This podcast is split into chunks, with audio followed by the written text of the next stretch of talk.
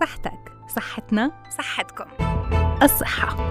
حالة اكتمال السلامة الجسدية والعقلية والاجتماعية مش بس انعدام المرض أو العجز. حافظ على صحتك لتعرف قيمتها قبل ما تفقدها وتحافظ على الوسادة الناعمة اللي رح تستند عليها أيام شيخوختك لتضل بصحتك تابعنا ببرنامج الصحة عال إعداد وتقديم سماح منصرة لتضلها صحتكم عال العال.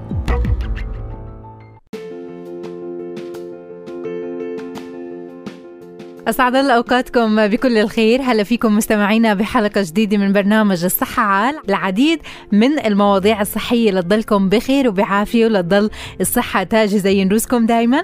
بدنا نحكي عن البنكرياس الغدة الموجودة في جسم الثدييات. لها دور مزدوج غدة خارجية الإفراز وغدد صماء. التهاب مفاجئ ممكن يحدث في البنكرياس ممكن تكون له مضاعفات تؤدي للوفاة. فاليوم بدنا نحكي عن التهاب البنكرياس الحاد شو أسبابه والعلاج العلاج والوقاية.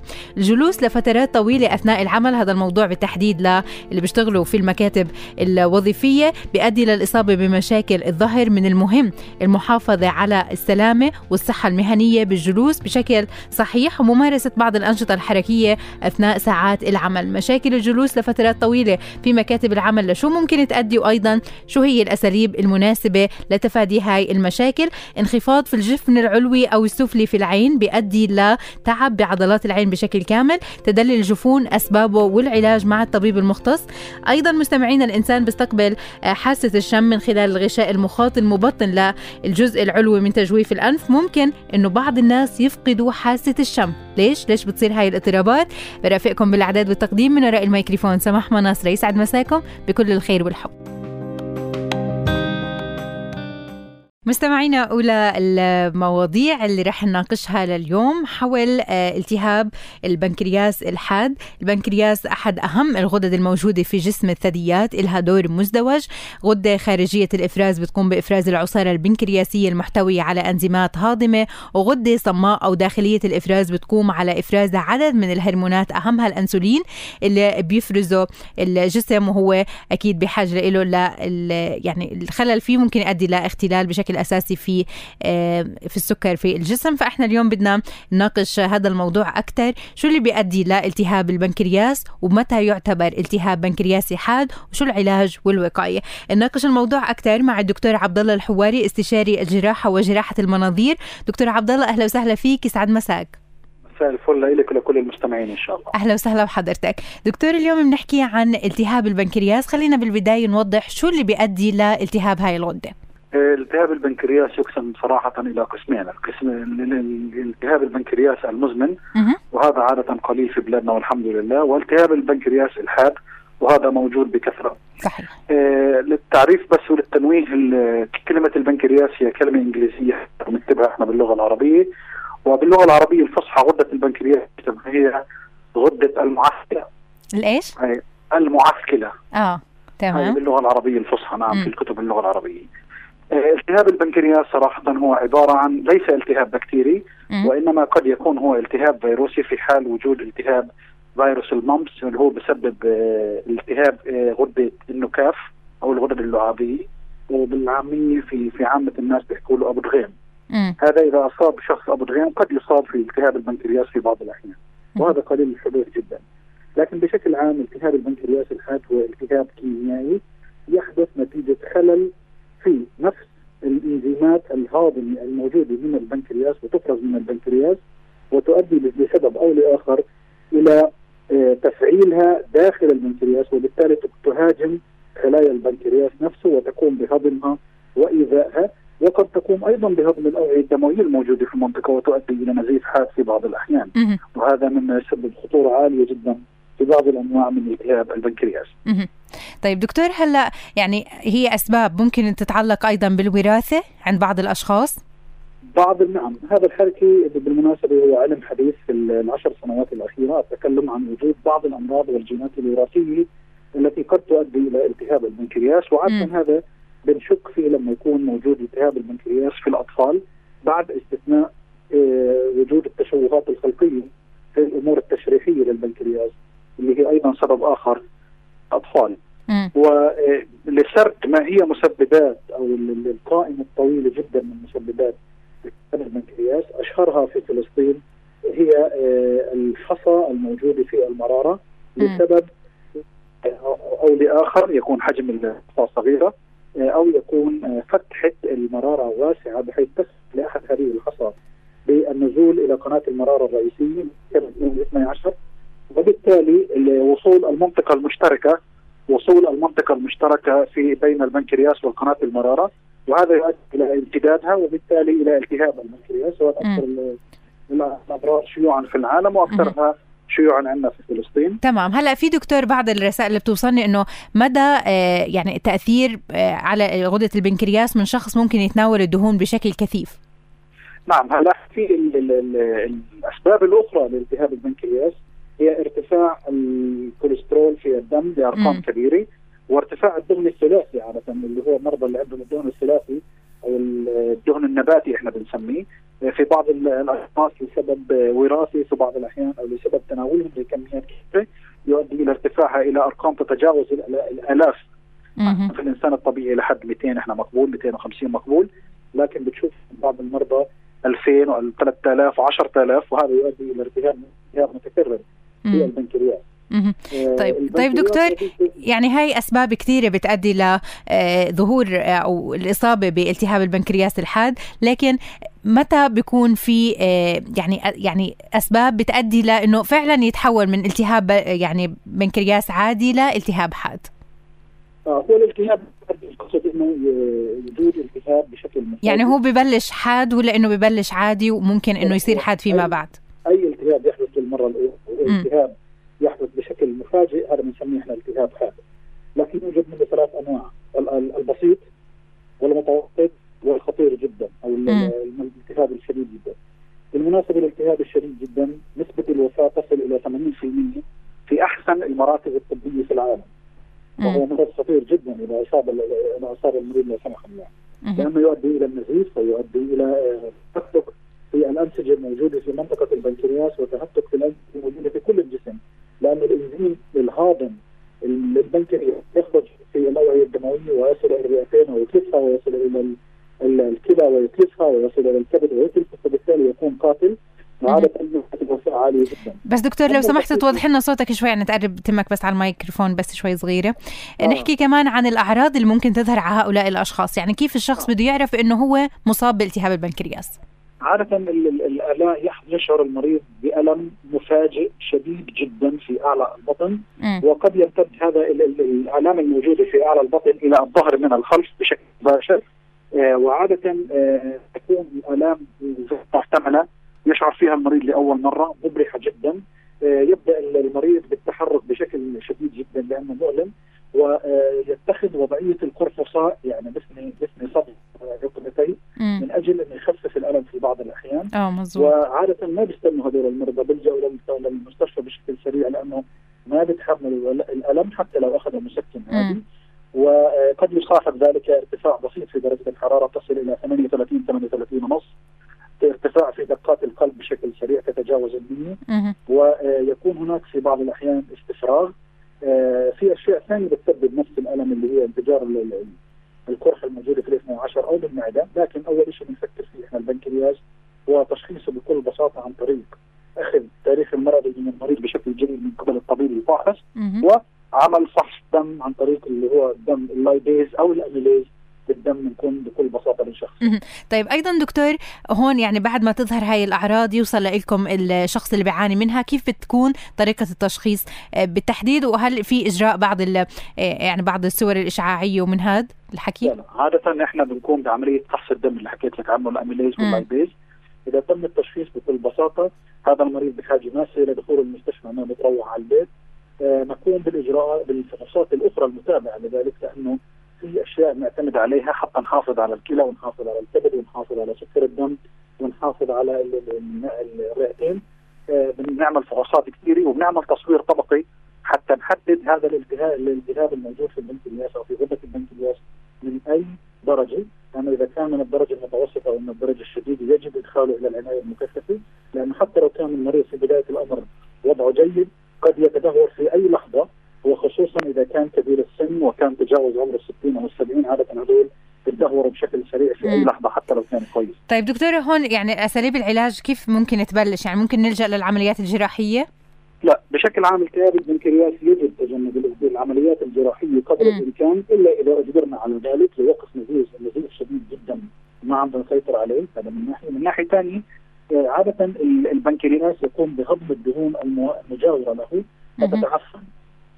هاي رح نستنى عليها لأنه الجسم رح يتعامل معها ويمتصها. لكن في حال دخول التهاب عن طريق الدم ووصوله إلى هذه المنطقة المتعفنه ويحدث صديد في المنطقة أو التهاب بكتيريا أو التهاب فطري يجب التداخل الجراحي سواء عن طريق الدخول من خارج البطن إلى منطقة البنكرياس أو عن طريق الوصول إلى البنكرياس إن شاء الله الخير والعافية لكل متابعينا. بدي أتشكرك الدكتور عبد الله الحواري استشاري الجراحة وجراحة المناظير يعطيك ألف عافية. فاصل ورح نرجع خليكم معنا. مستمعينا الجلوس لمدة طويلة أثناء العمل بيؤدي للاصابه بمشاكل الظهر. لتجنب هيك هاي المشاكل ممكن نسمع العديد من النصائح حول الحفاظ على السلامة والصحة المهنية بالجلوس بشكل صحيح. لكن كيف بدها تكون طريقة الجلوس بشكل صحيح على مكتب الوظيفة؟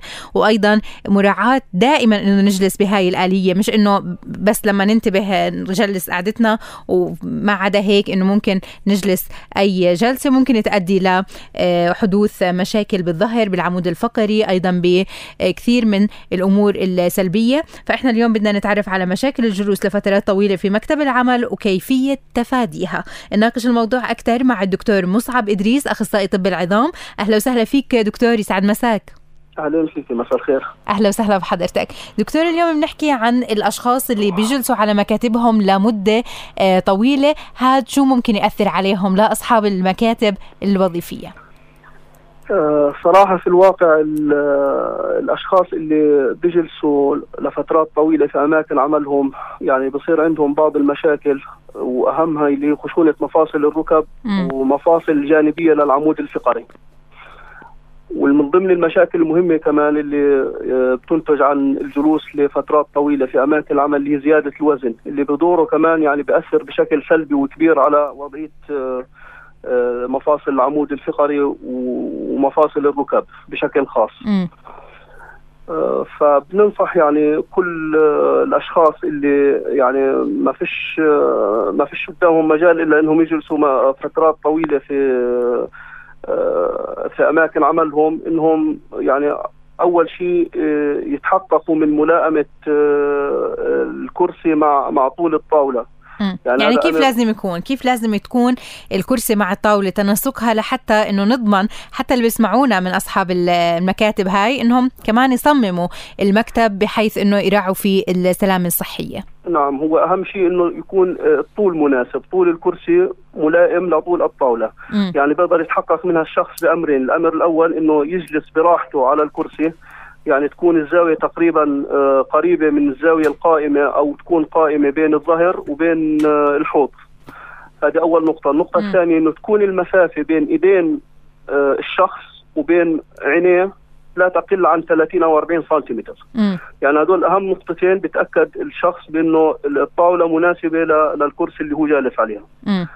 هذه أول وضعية، الوضعية الثانية الصراحه يعني لا تقل أهمية اللي هي آه، وضعية الجلوس نفسها على الكرسي. آه كيف لازم يعني تكون؟ الشخص اللي بيجلس أكثر من ساعة أو ساعتين على على الكرسي بيضطر في بعض الأحيان إنه يتكئ. على إيده اليمين أو أو أو اليد اليسرى، ففي الحالة هي ضروري جدا التوازن. م. يعني ما يظل الإنسان يتكئ على جهة أكثر من جهة إنه يتعود أوه. مثلا إنه دائما يتكئ على الجهة اليمين فهذه من اهم من أهم الأسباب اللي بتحدث عندنا مشاكل في انحراف العمود الفقري وإنه بسبب مشاكل في الجهة اللي دائما آه، الشخص متكئ عليها. فبده يلائم يعني إذا جلس نصف ساعة على الجهة اليمين يحاول نص ساعة كمان على الجهة الشمال. لكن في كثير من الأشخاص اللي بينسوا مثل هاي الأمور. يعني مثلا هلأ اللي بيسمعونا ممكن يعدلوا جلستهم ويجلسوا وياخذوا هاي النصائح لكن مع كثرة العمل ممكن ينسوا هاي الأمور. فكيف ممكن بإمكان الشخص أنه يضله متذكر لحتى أنه يحافظ على صحته؟ ضروري جدا إنه الإنسان ياخذ بعين الاعتبار إنه إذا جلسته بدها تدوم أكثر من ساعتين أو ثلاثة إنه يحاول أصلا يعني يقوم يمشي حاله لفترة خمس دقائق أو دقيقتين. إذا ما كان في عنده مجال مثلا مثل موظفين البنوك يعني أول ما يشعر بالتعب وعادة إذا جلس أكثر من ساعة بحس إنه في شوية شد في عضلاته فلازم يكون عنده ثقافة الجلوس هذه الصحيحة فعلى السريع بيعدل يعني حتى الجسم نفسه ما بتركه يعني الشخص اللي بيجلس لفترات طويلة لأكثر من ساعة أو آه، في وضعية محددة بصير يحس آه، يشعر إنه في عنده شوية تشنج بعضلات الظهر أو شوية شد يعني. فهو على السريع يعني هاي الحالة هي بتذكره بالإضافة طيب للامور هاي يعني يجب ممارسة الرياضة يعني مم. الرياضة مهمة جدا للشخص اللي ما بيستطيع إنه يتحرك خلال خلال عمله. أقل شيء يعني بده يكون عنده يعني فترة لا تقل عن نصف ساعة يوميا. صحيح وهي ثقافة فعلا لازم تكون موجودة لازم يكون في حتى تنبيه لها من قبل. أصحاب العمل إنه مثلا ب مثلا بعض الإعلانات اللي تكون موجودة على ال يعني على الحو يعني حيطان مثلا المكان العمل لحتى إنه الشخص يضل متذكر والموظف يضل متذكر هاي الأمور. بالنسبة نعم لمدير العمل وبالنسبة أيضا للموظفين. صحيح يعني اللافتات هاي التنبيهية مهمة جدا في أماكن العمل. لو كل مكان عمل يعني وضعت أو علقت مقابل الموظفين يعني الوضعية الصحيحة للجلوس وضعية الكرسي وضعية الطاولة م. ووضعية الشخص نفسه يعني هاي شغلة كمان مهمة جدا وبتذكر الشخص. صح. هلأ في بعض الأشخاص اللي مثلا ياخذوا راحتهم على الكرسي بشكل كتير كبير اعتقادا منهم إنهم هيك ممكن إنهم يريحوا العمود الفقري يعني بيقوموا بيستلقوا بيستلقوا على الكرسي. فهذا تصرف سليم ولا ممكن يكون أيضا له مضار؟ يعني هذه طريقة الاستلقاء على الكرسي صراحة يعني من أكبر المشاكل اللي اللي بتعود للشخص اللي بيمارسها م. بالأضرار خاصة بالمفاصل الجانبية للعمود الفقري هو صحيح يعني الشخص أول ما يجلس الوضعية هاي بحس بارتياح لكن لكن تأثيراتها السلبية في المستقبل يعني وخيمة جدا م. طيب كمان؟ اللي بصير اللي بصير إنه الشخص لما لما بيجلس الوضعية هاي هو بيعمل بيعمل آه، عملية شد لعضلات العمود الفقري. صحيح. بشعر بفائده وبراحة مبدئية لكن هي تأثيرها تأثير. على المفاصل الجانبية سيء جدا. أها. طيب كمان دكتور في آه، بعض الأشخاص اللي ممكن أيضا إنه يعني ظهرهم ما ما يكون لاصق بالكرسي من وراء فهون أيضا آه، تصرف خاطئ ولا لازم إنه بقدر الإمكان إنهم يجلسوا آه، الجلسة بحيث إنه ظهرهم يكون ملاصق لظهر الكرسي؟ النقطة الأولانية اللي إحنا بلشنا منها مهمة جدا اللي هي ملائمة الكرسي طول الكرسي مع طول الطاولة. إذا كان طول الكرسي مع طول الطاولة ملائم فالشخص نفسه حيجي حيجد إنه أفضل وضعية وأريح وضعية له اللي هي طريقة التصاق الظهر بركايه الكرسي. م. يعني إذا اهتم بالنقطتين هدول زي ما حكيت بيقدر يعرف آه، من يعني المسافة اللي لازم تكون بين عيونه وبين راسه وبين إيديه بين محل ما بيكتب أو بيقرأ لا تقل عن 30 سم. بالحاله هاي هو يعني آه، بيتخذ الوضعية الصحيحة يعني بطريقة لا شعورية. لكن إذا كان الكرسي قصير أو كان الكرسي طويل حيعطي نتيجة عكسية، إذا كان الكرسي طويل على الطاولة حيضطر لانحنائه للعمود الفقري صحيح. حيكون التأثير السلبي جدا هون على الفقرات الصدرية مه. والعكس صحيح فيما لو كانت آه، الطاولة آه، طويلة مه. بالضبط يعني هون إنه كمان ما رح يعني ما رح يكون مرتاح بهاي الجلسة وكمان رح تأثر عليه نعم اذا إذا اختار من البداية ملائمة طول الكرسي مع طول الطاولة هو يعني بصير يعني بطريقه بطريقة لا شعورية إنه يجلس يجلس الجلسه الصحيحه وبتعود عليها وبتكون فعلا هي جلسة صحيحة. مهم جدا إنه يحاول إنه يحاول يعمل حركة حركة المشي مهم جدا يعني. مم. المعلوم للجميع إنه الدم يعني بالنسبة لمفاصل الركب آه، الدم ما بيصل مفصل مفصل الركب من جوا موجود فقط اللي هو السائل المفصلي الزلالي. فالغذاء ما بيصل للغضاريف إلا عن طريق الحركة.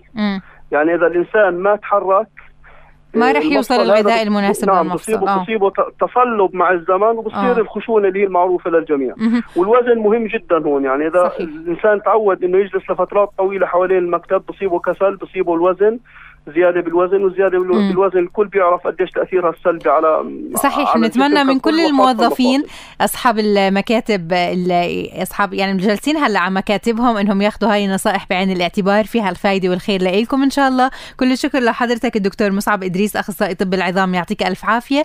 مستمعينا إحنا وأنتم لفاصل وبعد الفاصل راجعين لبرنامج الصحة عال. ابقوا معنا. مستمعينا متواصلين معكم. رح نحكي بعد الفاصل عن انخفاض في الجفن العين جفن العين سواء العلوي أو السفلي بيؤدي لتعب عضلات العين وممكن يأثر على الرؤية تدلي الجفون أسبابه والعلاج والوقاية رح يكون حديثنا مع الطبيب المختص. وأيضا رح نحكي عن الأشخاص اللي ممكن يعانوا من فقدان حاسة الشم. ليش؟ وشو الاضطرابات اللي بتصير عندهم لحتى يفقدوا حاسة الشم وتنعدم عندهم تماما؟ وأيضا شو العلاجات المقترحة هل بالإمكان إنه الشخص اللي عانى من هاي الاضطرابات يرجع آه، يستفيد من هاي الحاسه تواصلوا معنا عبر صفحتنا على الفيسبوك راديو علم باللغة العربية وبإمكانكم إرسال رسالة قصيرة من جوال على الرقم 37631 رح نروح معكم لفاصل قصير وبعد الفاصل رح نرجع لحتى نستكمل مواضيع برنامج الصحة عال مع الأطباء المختصين. أكيد ابقوا معنا.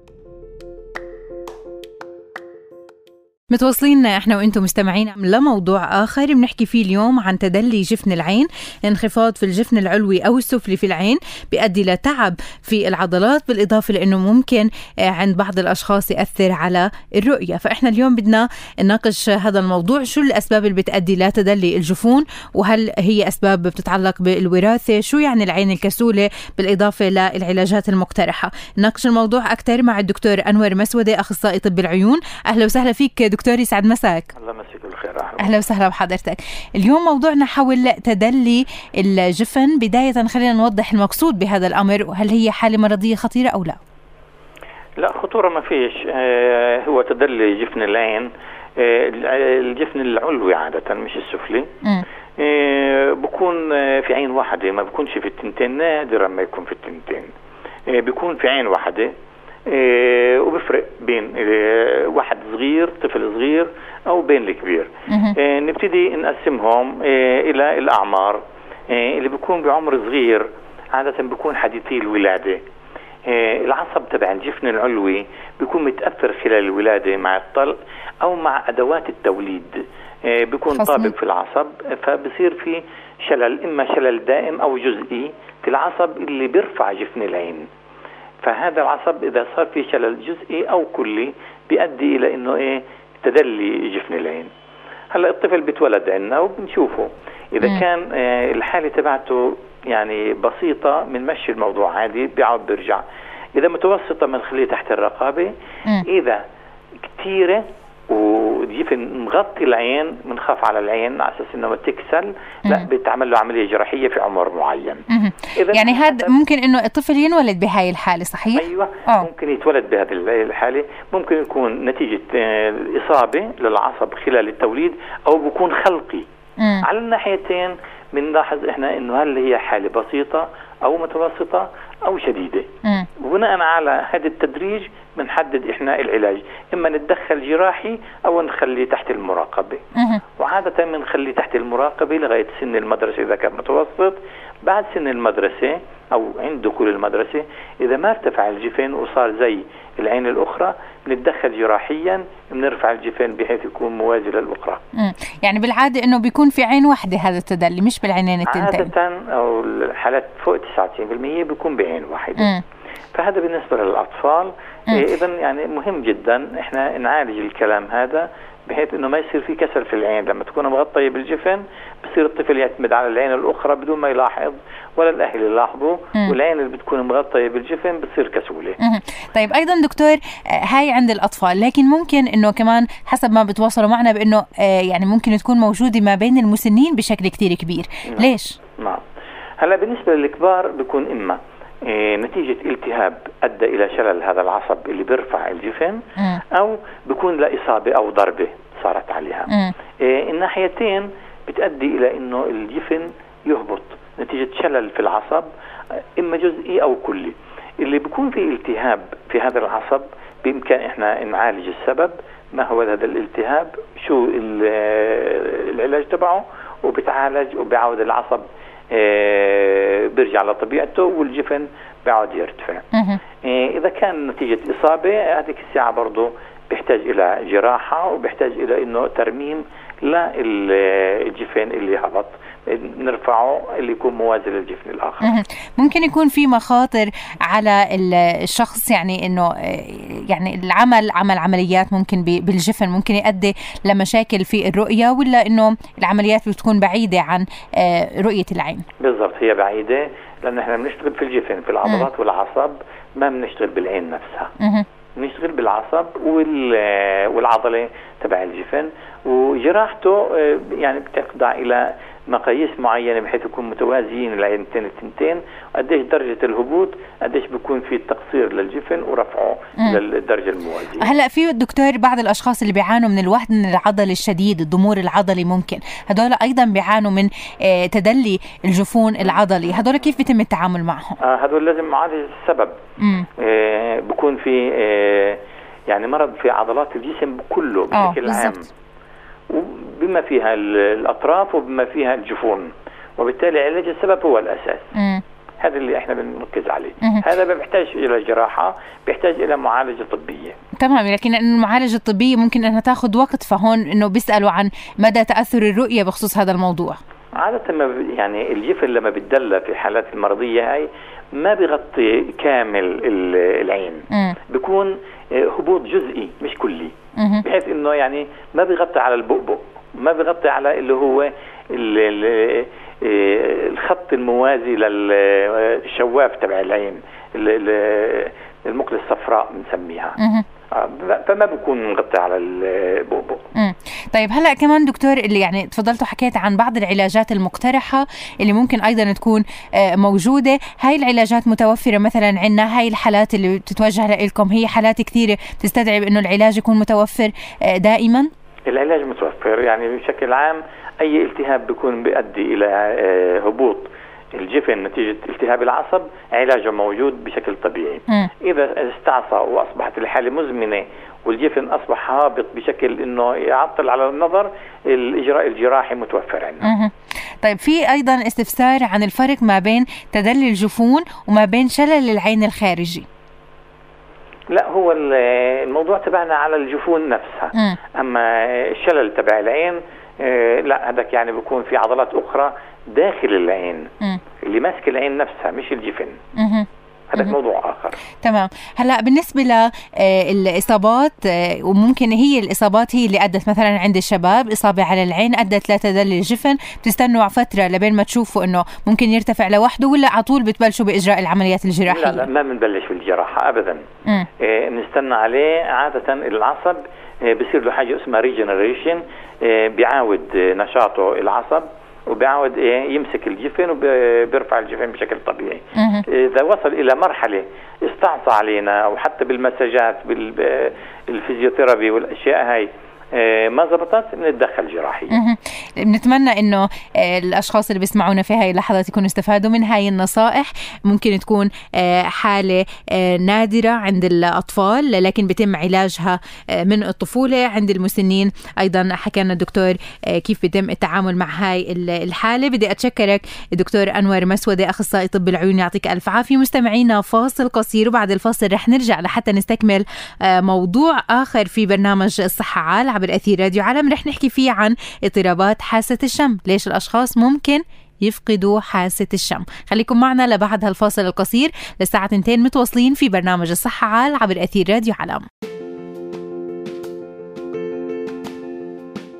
مستمعينا متواصلين معكم في برنامج الصحة عال. الإنسان بيستقبل حاسة الشم من خلال الغشاء المخاطي المبطن للجزء العلوي من تجويف الأنف. لكن في بعض الأشخاص اللي بعثونا برسائلهم ممكن يفقدوا حاسة الشم. شو اللي بصير عندهم؟ ليش بيشعروا بهاي الاضطرابات؟ بالإضافة إنه سؤالهم إنه هل بالإمكان إنهم يرجعوا يستفيدوا من هاي الحاسة؟ وكيف؟ هل في بعض الأمور اللي ممكن تجرى لهم من عمليات جراحية؟ ولا هي أمور ممكن تكون متعلقة بمرض معين عند معالجة المرض تزول هاي الحالة. خليكم معنا نروح لفاصل قصير وبعد الفاصل رح نرجع لاستكمال مواضيعنا في برنامج الصحة عال. مستمعينا اضطرابات حاسة الشم فقدان أو انعدام حاسة الشم أو حتى ضعف بهاي الحاسة في هاي الحالات بيشكو المريض من فقدان حاسة الشم. يجب التأكد إذا كان فقدان حاسة الشم كامل أو أنه الأمر ما بتعدى مجرد ضعف في هاي الحاسة وهل قوة الشم متماثلة في جانبي الأنف أو ضعيفة في جانب أكثر من الآخر؟ الإنسان بيستقبل حاسة الشم من خلال الغشاء المخاط المبطن للجزء العلوي من تجويف الأنف والغني بالأعصاب اللي بتنقل بتنتقل بالإحساس بالشم إلى مراكز خاصة بالمخ. أسباب ضعف أو انعدام حاسة الشم بالإضافة للخطورة من فقدان هاي الحاسة. رح يكون حديثنا بهذا الموضوع مع آه، الدكتور خليل البابا. رح ينضم لنا لحتى نتعرف معاه أكثر على هذا الموضوع واللي ممكن أيضا يؤدي ل آه، إنه الشخص ممكن إنه آه، يعني يكون حواليه العدد عديد من الروائح الخطرة اللي ممكن تأثر عليه. مثلا يشم ريحة غاز ما يشعر بهاي الريحة لكنها تأثر عليه بإصابته بالاختناق. ممكن يفقد المريض أيضا حاسة الشم بعد العدوى بالإنفلونزا أو السبب بيكون في ضمور الأعصاب المغذية للغشاء المخاطي الشمي ممكن تتسبب الأورام اللي ممكن تصيب الجهاز أو الجزء العلوي من تجويف الأنف من فقدان حاسة الشم. وأيضا عامل السن مهم جدا يعني ممكن الأشخاص اللي آه، المسنين يعانوا من فقدان هاي الحاسة تدريجيا. آه، ممكن إصابة الشخص ببعض الأورام أورام المخ في المراكز المسؤولة عن حاسة الشم أو الموصلة لها ممكن تكون السبب في آه، فقدان حاسة الشم عند بعض الأشخاص. بالإضافة لبعض اللي بتواصلوا معنا اللي بيسألونا بأنه ما يعني مش مأثرة عليهم هاي هاي الحالة أو أنه فقدانهم لحاسة الشم مش مأثر عليهم. إحنا رح نتعرف عن التأثيرات وإذا كانت على المدى البعيد ممكن تأثر على الشخص والتشخيص كيف ممكن أنه يكون آه، بعض الحالات اللي ممكن يكون فيها اعوجاج الحاجز الأنفي أو لحمية الأنف التدخل الجراحي بيكون هو العلاج المناسب وعادة حاسة الشم في هاي الحالة بتكون شبه آه، أكيدة. إذا كان السبب عصبي آه، بعد استبعاد المسببات الأخرى عودة حاسة الشم في الغالب غير واردة. إذا كان السبب عصبي. لكن إذا كان أمور تانية ممكن أنه ترجع حاسة الشم بعد آه، أخذ العلاجات المقترحة. أيضا مستمعينا كيف بالإمكان أنه نوصل لهاي العلاجات مع الطبيب المختص الدكتور خليل خليل جهاد البابا أخصائي وجراحة الأنف والأذن والحنجرة. أهلا وسهلا فيك دكتور يسعد مساك. أهلا وسهلا فيك ويسعد مساكم جميعا أهلا وسهلا بحضرتك. بس لو سمحت تبعد لنا عن صوت الأزمة لأنه مش سامعينك منيح. بحاول هلا أطلع لك على المكتب. ده ثواني تفضل ماشي. أهلا وسهلا بحضرتك. دكتور بنحكي عن الأشخاص اللي بيعانوا من اضطرابات حاسة الشم. ممكن توصل لفقدان هاي الحاسة. شو الأسباب اللي بتؤدي لهاي الحالة؟ هلا بالنسبة لفقدان حالة حاسة الشم لازم نفرق بين شغلتين أساسيات. في عندنا فقد الحاسة الشم مؤقت وهذا بتعرض له الناس بفترة يعني بشكل آه، متكرر ممكن مرة أو مرتين أو ثلاثة خلال السنة. وفي عندنا فقد حاسة الشم الدائم. هلا بالنسبة لفقد حاسة الشم المؤقت في الأغلب لها علاقة بالزكام، الرشح، الحساسية، م. وجود انحراف في الوتيرة الأنفية. صحيح يعني إحنا لما نعاني من من من الرشح بنلاحظ بإنه إحنا فعلا بنفقد حاسة الشم لفترة لكن إنه سرعان ما يزول الرشح خلص إنه بنرجع بنشم. صحيح لأنه على خلاف المتعارف عليه بين الناس م. الأنف هو جهاز للتنفس وفي نفس الوقت للاحساس بالرائحة وكمان بيساعدنا في عملية التذوق هلأ عملية التذوق وعملية الإحساس بالرائحة اللي بنشمها عن طريق الأنف آه، الناس مو يعني كثير من المرضى لما بنحكي معهم بيعتقدوا إنه كل الأنف له علاقة بالموضوع ولكن هي القصة كلها في حوالي 2 ملي موجودات في سقف الأنف هي اللي لها علاقة بحاسة الشم فقط. طيب دكتور هلا منطقه منطقة آسف مقاطعتك هاي المنطقة منطقة صغيرة كثير زي ما أنا حكيت لكم حوالي ملي إلى 2 ملي حسب حجم الأنف. آه، فيها نهايات عصبية، النهايات العصبية هاي موجودة في البطانة الأنفية. في حال وجود رشح أو زكام أو التهابات في منطقة الأنف بشكل طبيعي زي هذا أي جزء في الجزء في جسم الإنسان بده يصير تورم في المنطقة. فبالتالي راح تتغطى الشعيرات هذه وتكون فيها صعوبة في عملية التبادل الكيميائي للرائحة لأنه إحنا لما بنشم الريحة بتدوب في الابطان الأنفية أو في السوائل الموجودة على الابطان الأنفية وبتتحلل وبهيك الطريقة إحنا بنحس بالرائحة وبتساعدنا زي ما حكيت لكم كمان في عملية التذوق أها يعني مهمة حاسة الشم مش بس إنه نشم فيها الروائح أيضا مهمة لتذوق أيضا صحيح. الطعام صحيح. لأنه يعني في بعض الأشخاص اللي بيحكوا زي ما حكيت آسف مرة ثانية. زي ما حكيتي أنت إنه إحنا بنلاحظ على حالنا في مرحلة الزكام أو الرشح أو الإنفلونزا أو الالتهاب التحسس الشديد إنه بنفقد حاسة الشم ولو كانت لفترة بسيطة. أي إنسان لو بيرجع بذاكرته شوي أو حتى إذا كان هو في المرحلة الحالية مرشح أو مزكم خليه بس مثلا يدوق القهوة أو يدوق آه ما بحس بطعمها. ما بحس بالطعم مم. لأنه في جزء من عملية الإحساس بالطعم إحنا بنحسها عن طريق الأنف. ال ال ال ال ال الرائحة اللي بتنتج عن المادة اللي إحنا بندوقها جزء منها يذوب زي ما حكينا في الأنف عشان نحس بالريحة. وهذه العملية الكيميائية بتترابط مع عملية التذوق في في اللسان وبتعطينا الريحة والطعم في نفس الوقت. طيب دكتور هلأ في بعض الأشخاص اللي بيعانوا من فقدان حاسة الشم اللي بيحكوا انها مش مأثره عليهم يعني مش مأثره على حياتهم عادي يعني إنه بتصرفوا مع الأمر ولا كأنه في في أي حالة فهون يعني مدى تأقلمهم مع هذا الوضع وشو الخطورة من فقدان حاسة الشم؟ هلأ بالنسبة للإنسان اللي بقول لك إنه أنا متأقلم مع الحالة أو متأقلم مع الوضع هذا إنسان بكل بساطة في عنده ضعف في حاسة الشم وليس فقط في حاسة الشم. هلا فقدان حاسة الشم بكل تأكيد مدارها على المدى الطويل مدار سيء جدا، يعني تخيلي أنت قاعدة بالبيت قاعدة بتتفرج على التلفزيون نسيتي طبختك على النار و بس يعني ما مش شامه الريحة أنت. آه. أو مثلا الغاز ممكن حتى يكون أو بنفس. بالضبط أو الغاز بالضبط. هذا الإنسان بيقول لك إنه أنا متأقلم مع الريحة. لو سألتيه سؤال قلت له لو كانت الريحة نسابه أو قوية شوي بتحس فيها؟ بقول لك آه بحس فيها بتضايقني. آه. فهذا معناته إنه هذا الإنسان عنده حالة مرضية، الحالة المرضية هذه قد تكون حالة حادة على حالة مزمنة بمعنى إنها مزمنة ولكن تنشط في فترات معينة فبتأثر على شعيرات الشم عنده. مع علاج بسيط ممكن يتحسن الموضوع.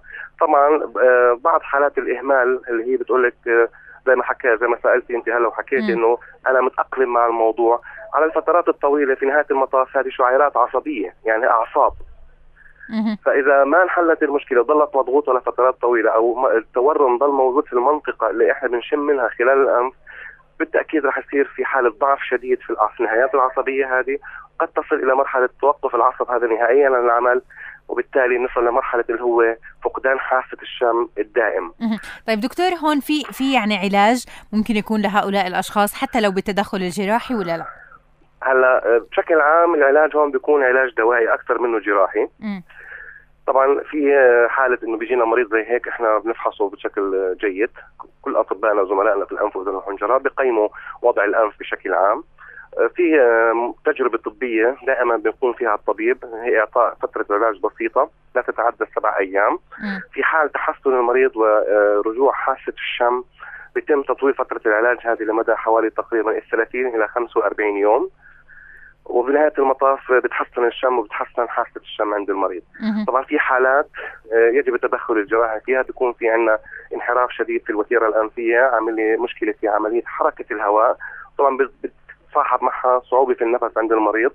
فبالتالي بتكون حل جراحي للناحية يعني الحل الجراحي بيكون مطلوب لشغلتين أساسيات. بشكل رئيسي طبعا تحسين النفس من خلال الأنف وبالتالي ك ك ك يعني تابع للموضوع هذا مجرد ما يتحسن النفس داخل الأنف بتتحسن حاسة الشم على فترة صحيح. زمنية قد تطول أو تقصر حسب الوضع وحسب الفترة الزمنية اللي بيعاني منها المريض من المشكلة. ولازم ما حدا يعطي إنه هذا الموضوع إنه يستهين فيه لإنه حاسة الشم مهمة جدا. آه لا يعني للإنسان لولا أهميتها كان ما خلقت لنا صحيح؟ بالضبط. هذا صحيح كلامك صحيح لإنه هذا بدلنا بوصلنا لطريق للنقطه الثانية زي ما حكيت في بداية اللقاء إنه في عندنا فقدان في حاسة الشم دائم. بعض أحيان ما بيكون له علاقة بالأنف نهائيا أه. قد يكون من أماكن أخرى كضعف في الدم أو وجود أورام وغالبا الأورام هذه قد تكون موجودة في منطقة الدماغ م. فبالتالي بتكون أحد علامات اكتشاف إنه في مشكلة عند المريض هذا هو لا يعلم عنها ليس لها أي آثار جانبية. بمعنى إنه عايش حياته طبيعي بروح وبيجي وبيأكل وبيشرب ومتزوج وعنده أولاد ولكن فقط حاسة الشم. صحيح. وإحنا بنتمنى من كل الأشخاص اللي بيتابعونا بس لأنه داهمنا الوقت دكتور إنهم آه، ينتبهوا آه لهذا الأمر بشكل آه، فعلي وأيضا ما ما يستهينوا فيه بتاتا. بدي أتشكرك الدكتور خليل جهاد البابا أخصائي وجراحة الأنف والأذن والحنجرة يعطيك ألف عافية. الشكر موصول لكل ضيوفي بهالحلقة. تحيات فريق العمل معي لليوم هندسة إذاعية وإخراج إذاعي. تامر الكركي شكرا لك. التنسيق والتنفيذ على الهواء مباشرة خلدون نصار يعطيك ألف عافية. متابعة البرامج عرين أبو شرار وتقبلوا تحياتي رفقتكم بالأعداد والتقديم من وراء الميكروفون. سماح مناصرة في أمان الله.